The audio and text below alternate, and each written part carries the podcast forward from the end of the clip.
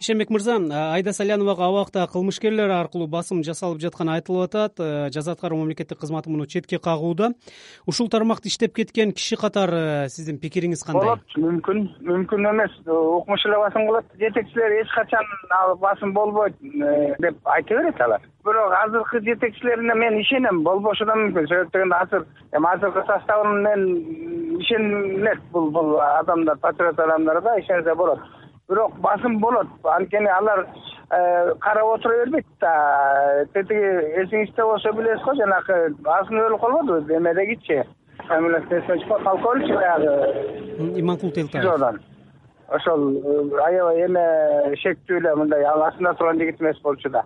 Анан саляновага деле баягы мындай көрсөтмө бер тигиндей көрсөтмө бер анан кантип эле эмеде камерага жанакы аялдардын арасында деле эмелер болот чымчылап мындай э, карайт буну карайт анан бул кайтарат дегендер сыяктуулар болот.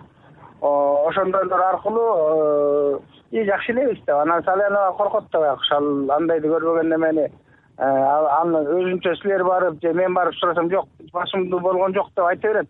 А самом деле болот басым болбой койбойт түрмөдө басымдын мүнөзү кандай болот дейги урабы коркутабы кандай мүнөздөгү бир басым өткөрүүлөр колдонулат ал басым эметиши мүмкүн. Мындай бир эмеде багытта басым кылышы мүмкүн да. Э, көрсөтмө биякка бер могундан команда түш деп айткан болчу деп айтасың деп басым кылышы мүмкүн. Бул жерде мисалы үчүн э, бул ген прокурордун эч кандай тиешеси эле жок да. Камала турганга эмеси жок. Негизи деле жок камай тургангачы түшүнүктүү э, басым ким аркылуу болот? Ким берет буйрукту жогору жогору жактан мисалы үчүн бияка саясат аркылуу болуп атпайбы политический взгляд болуп атпайбы анан жогору жак аркылуу кылат. А так өзүнчө өзүнчө отурган болсо а так басым болбойт. Анткени иши деле жок. Саясаттын кишилерине киришпеш керек да. А если басым болуп атат деген эле чын эле сөз болуп аткан болсо бул чындык болот. Мынчалык ишенимдүү айтып атканыңызды кантип э, бышыктайсыз? Мисалы сиз иштеген учурда ушундай буйрук болду беле басым өткөрүүгө ким буйрук берди эле? Кантип негиздейсиз айткандарыңызды? Биздин биздин учурда мындай адамдар камалган эмес.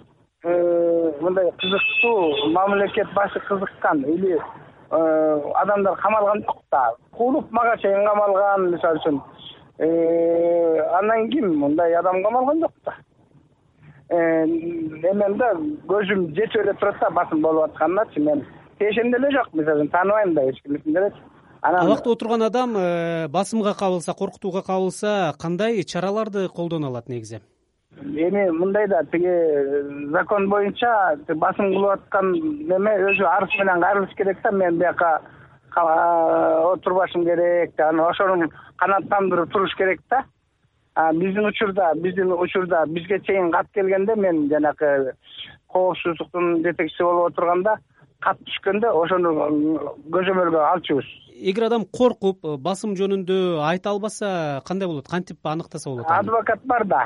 Адвокатка эле тиги аида салянова коркпош керек адвокатка айтыш керек. Мен моундай басым болуп атат мен Э, коргонуу мындай коргош керек мени деп анан э, он экинчи статья барчу мурун азыр билбейм ошого кетпесе ошонун негизинде муну өзүнчө кармаш керек. Өзүнчө кармап кайтарып турса эч ким аны басым кылбайт. Анан аралаштырса да э, басым кылат аралаштыр. Кандай? Жаза аткаруу кызматы салянова өзүнчө камерада бир шериги менен отурганын айткан жалгыз отургузбайт экен да? Бир шерик болот экен. Ошол аркылуу эле басым боло берет сизо бирдеби же гкиндадабы биринчи абакта. Жок эгерде эмеде болсо басым болбойт тиги. Гкиндин сизосунда болсо. А бул сизо бирде ал сизо бирден эмеден окошкодон эле кыйкырып коет эй моундай айт короче давай баары бир камаласың потом. Попадешь на нашу руку деп эле айтып коет болду иш анан коркот. Үй бүлөсүнө басым кылат сырттан басым эмес коркутат